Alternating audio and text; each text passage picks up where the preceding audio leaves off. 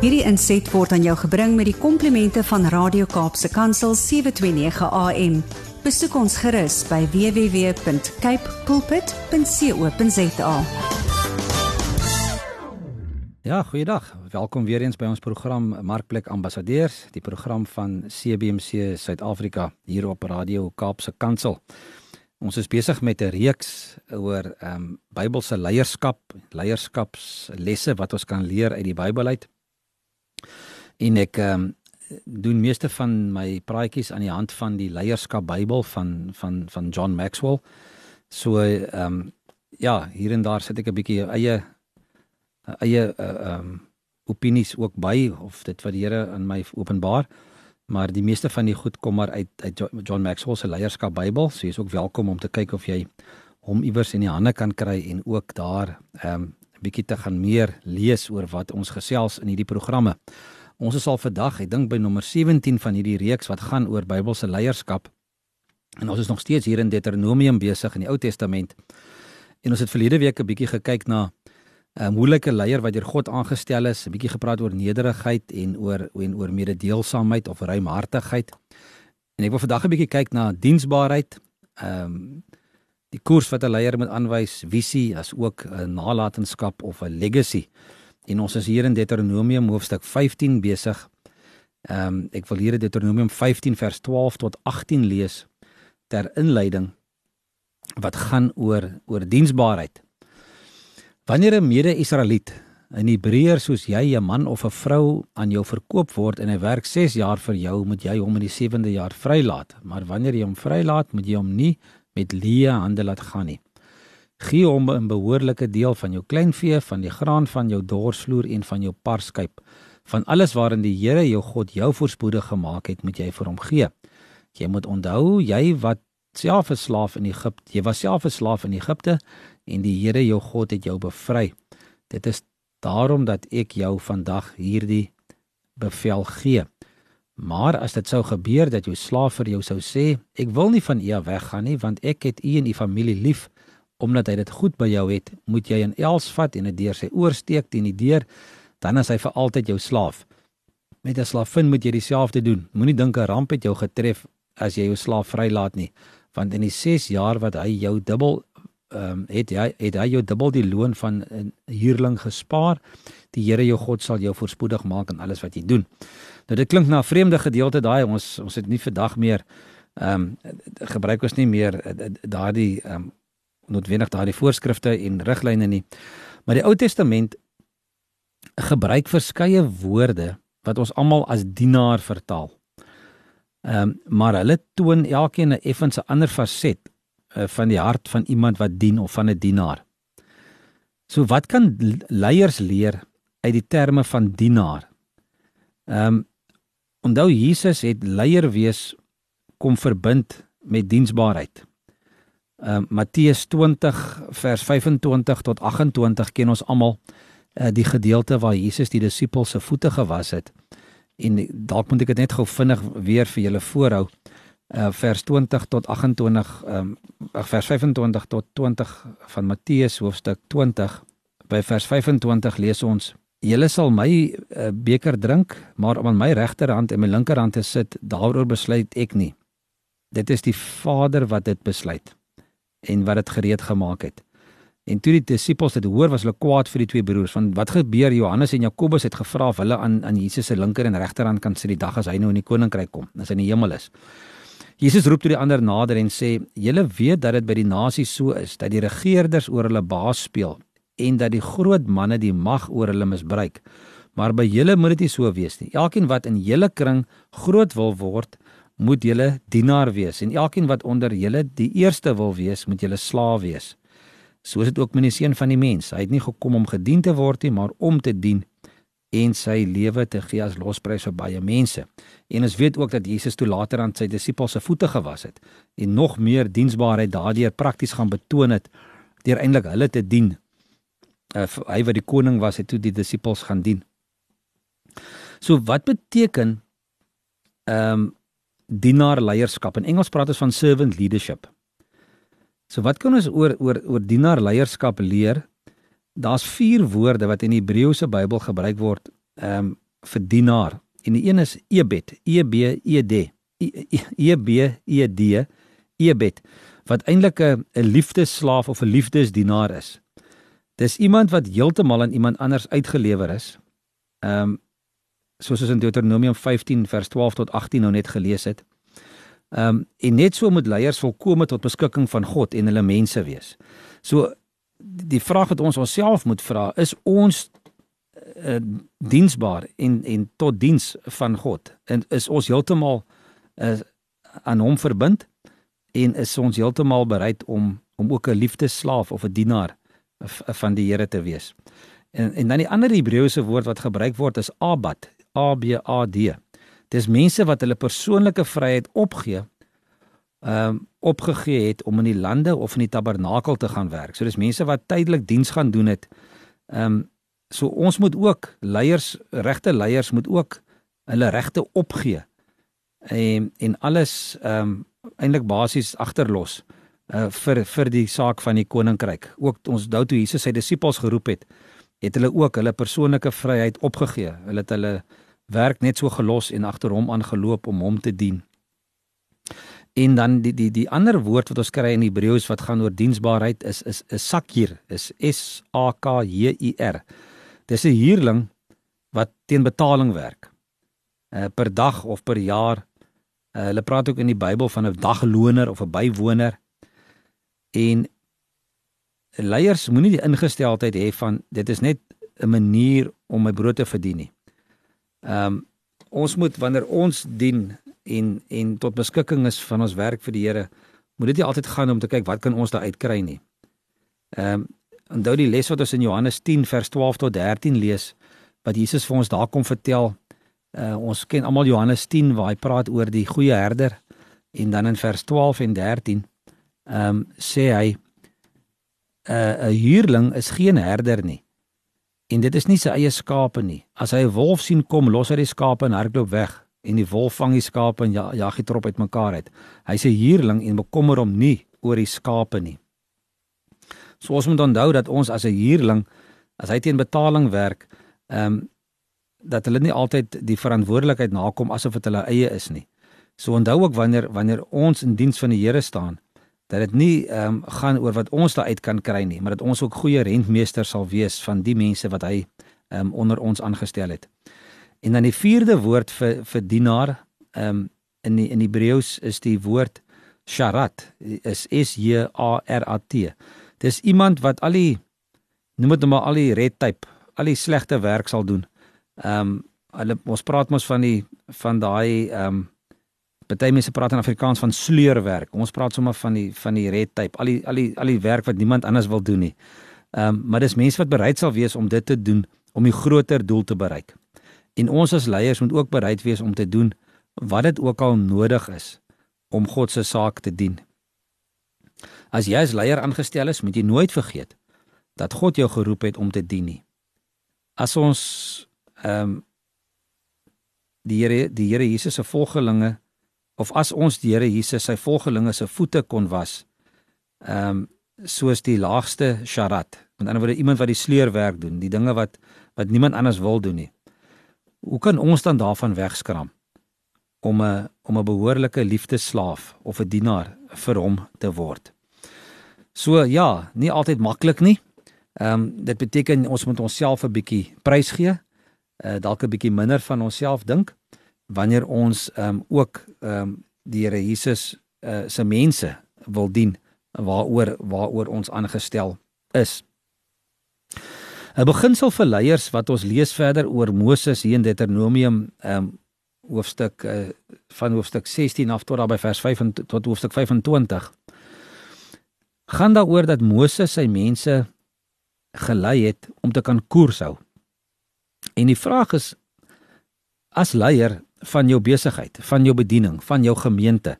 Ehm um, ons praat van markplek ambassadeurs in ons program as leier van jou besigheid spesifiek.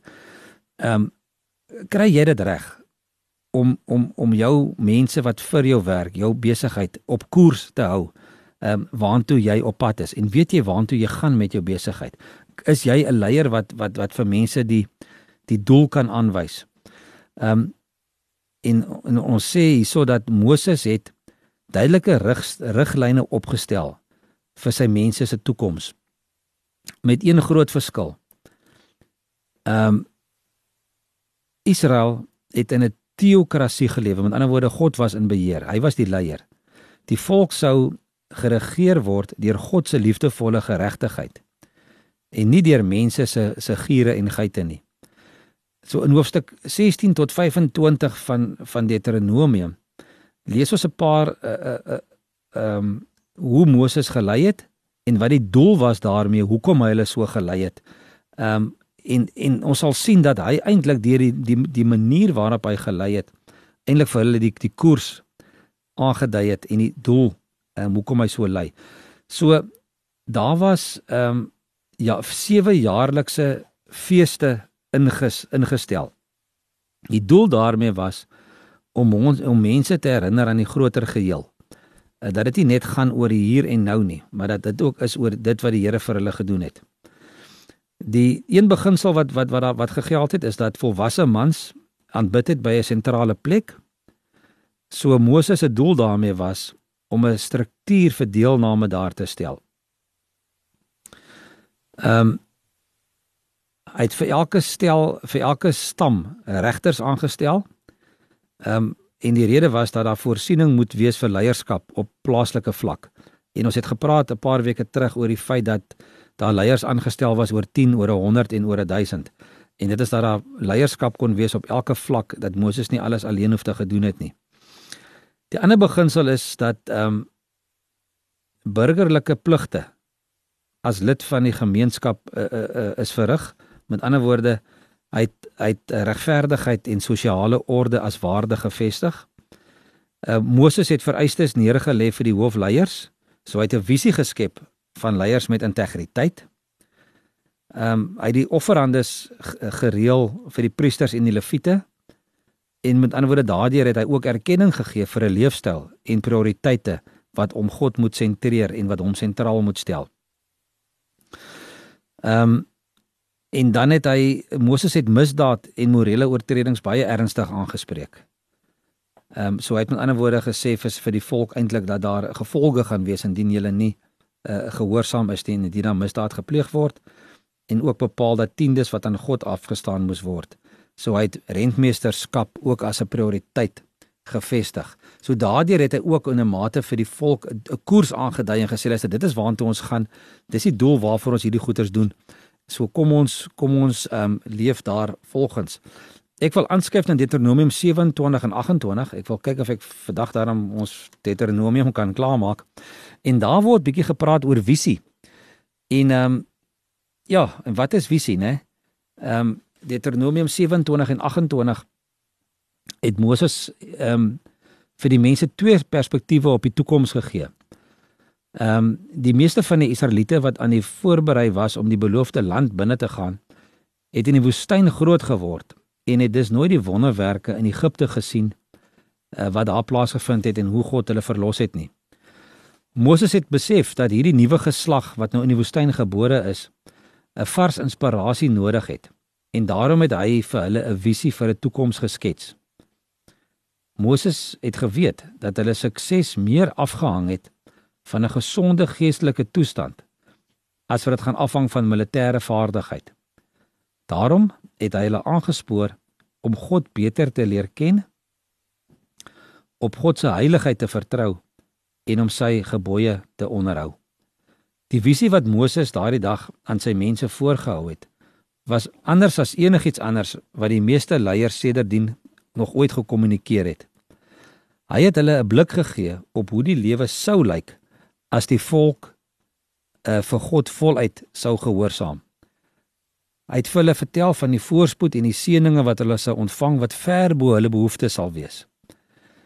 Hy het vir hulle gesê hulle sou goeie verhoudings met hulle buurvolke geniet en dat hulle groot welvaart sou beleef en dat hulle ook gesond en sterk sou wees. Maar Moses het Moses het ook die ander kant van die prentjie vir hulle geskets. Hoe sou die lewe lyk as jy God nie gehoorsaam nie? En min leiers doen dit. Min mense is bereid om hulle nek uit te steek of hulle kop uit te steek en te sê luister hierso, as ons nie doen wat die Here van ons verwag nie, gaan daar ook gevolge wees. En uh, Moses het dit gedoen. Hy was dapper genoeg om dit te doen. En van toe af kon die mense duidelik voor oë hou watter seëninge gehoorsaamheid meebring en watter strawwe ongehoorsaamheid meebring. So Moses se toespraak het albei hierdie hierdie prentjies geskets. Hy het vir hulle gewys hoe sou die lewe lyk wanneer ons ehm um, kyk uit die hoek van gehoorsaamheid en hoe sou dit lyk as ons kyk uit die hoek van ongehoorsaamheid. En dit is die krag daarvan om my twee hoeke na 'n toekomsbeeld te kyk. So 'n visie help rig mense se besluite want hulle kan dan dink en doen met die einddoel in gedagte. En natuurlik wat daarmee saamgaan is dat jy dan nie ehm um, enigiemand kan blameer vir die uiteinde of vir die gevolge van jou dade nie want dit was duidelik uitgespel gewees ehm um, aan die begin ehm um, van die reis. Ek wil afsluit met Deuteronomium 31 uh, vers 1 tot 13 wat gaan oor 'n bietjie van nalatenskap of ons noem dit ook 'n legacy. En Moses ek wil lees wat Moses hier vir die volk gesê het. Hy het voor die volk gaan staan en vir hulle gesê: "Ek is nou 120 jaar oud. Ek kan nie meer gaan oorlog maak nie. Die Here het vir my gesê jy mag nie deur die Jordaan trek nie. Die Here julle God sal nou voor julle uit deur die Jordaan trek en hy sal hierdie nasies voor julle uitroei sodat julle hulle gebied in besit sal neem. Joshua sal julle deurlei soos die Here beloof het. Die Here sal met hierdie nasies doen soos hy gedoen het met die Amoritiese konings Sion en Og en met hulle land toe hy hulle uitgeroei het. Die Here sal hierdie nasies in julle mag oorgee en julle moet met hulle alles doen wat ek julle beveel het. Hou moed en wees dapper, moenie bang wees nie. Moenie vir hulle skrik nie, want die Here, julle God, gaan saam met julle. Hy sal julle nie in die steek laat nie, julle nie alleen laat nie. Toe het Moses vir Joshua geroep en vir hom gesê waar die hele Israel dit kan hoor: Wees sterk, wees dapper. Jy gaan saam met hierdie volk in die land in wat die Here met 'n eed aan hulle voorvaders beloof het om aan hulle te gee. Jy moet hulle dit in besit laat neem. Die Here sal voor jou uitgaan, hy sal by jou wees. Hy sal jou nie in die steek laat nie, jou nie alleen laat nie. Moenie bang wees nie, moenie skrik nie. Moses het toe hierdie wet opgeskryf en dit gegee aan die Levitiese priesters wat die verbondsark van die Here dra en ook aan al die leiers van Israel. Toe het Moses beveel aan die einde van elke 7de jaar op die vasgestelde tyd, die die jaar waarin jy skuld moet afskryf op die Hittefees, wanneer die hele Israel in die teenwoordigheid van die Here julle God moet verskyn op die plek wat hy sal kies, moet jy hierdie wet lees in die teenwoordigheid van die hele Israel waar hulle dit kan hoor.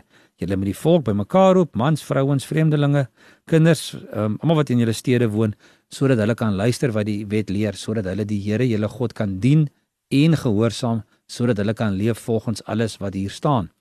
So sal hulle kinders wat in hierdie wet wat nie die wet ken nie, dit kan hoor en hulle en leer en sal hulle die Here, julle God kan dien solank as julle lewe in die land waarin julle deur die Jordaan trek om dit in besit te neem. So Moses staan op die einde van sy van sy leierskaps ehm um, tydperk en hy en hy en hy praat met die volk. Hy roep vir Joshua nader wat gaan oorneem en hy sê vir hom ehm um, gee 'n boodskap van die Here af en ook sê hy vir die volk uh, gee 'n paar laaste riglyne. So wat wou Moses agterlaat as legacy? Wat was Moses se nalatenskap? So kort voor sy dood het Moses sy opvolger Joshua formeel aan die volk voorgestel Hy het vir Joshua jare lank onderrig ter voorbereiding op hierdie dag. En Moses het geweet hy sou nie self die beloofde land binne gaan nie. En het besef hy moet 'n opvolger toerus om af te handel wat hy begin het. So wat het um, Moses vir Joshua gedoen? Ehm um, nommer 1 uh, vers 1 tot 2 van Deuteronomium 31. Moses het die mense oortuig dat die dat die nuwe die oue moet vervang. Hy het gesê hy's oud, hy gaan nie deurtrek nie. Ehm um, die tweede ene is hy het hulle herinner dat God onderneem het om sy belofte na te kom. In die derde plek, hy het die nuwe leier bevestig en sy gesag aan Joshua oorgedra. Vierdens, hy het hulle verseker dat Joshua hulle oorwinning tot oorwinning kan lei en hulle herinner aan Joshua se prestasies tot op hede.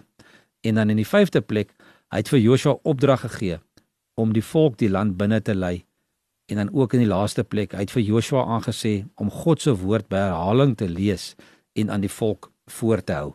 En dit is die die boodskap. Dit is die legacy wat Moses agtergelaat het. En ons lees 'n paar verse hoofstukke verder by hoofstuk 34 dat Moses toe nou gesterf het en dat Joshua die volk verder gelei het. Die vraag wat ons onsself moet vra as leiers wat deur God aangestel is, hoe lyk ons nalatenskap? Wat doen ons om die een wat na ons kom, ehm um, uh, voor te berei ehm um, vir die vir die taak uh, wat op wat daar wag en wat is dit wat ons as laaste boodskap ook vir mense gee betreffende gehoorsaamheid en en diens en diensbaarheid en die volg van God se voorskrifte.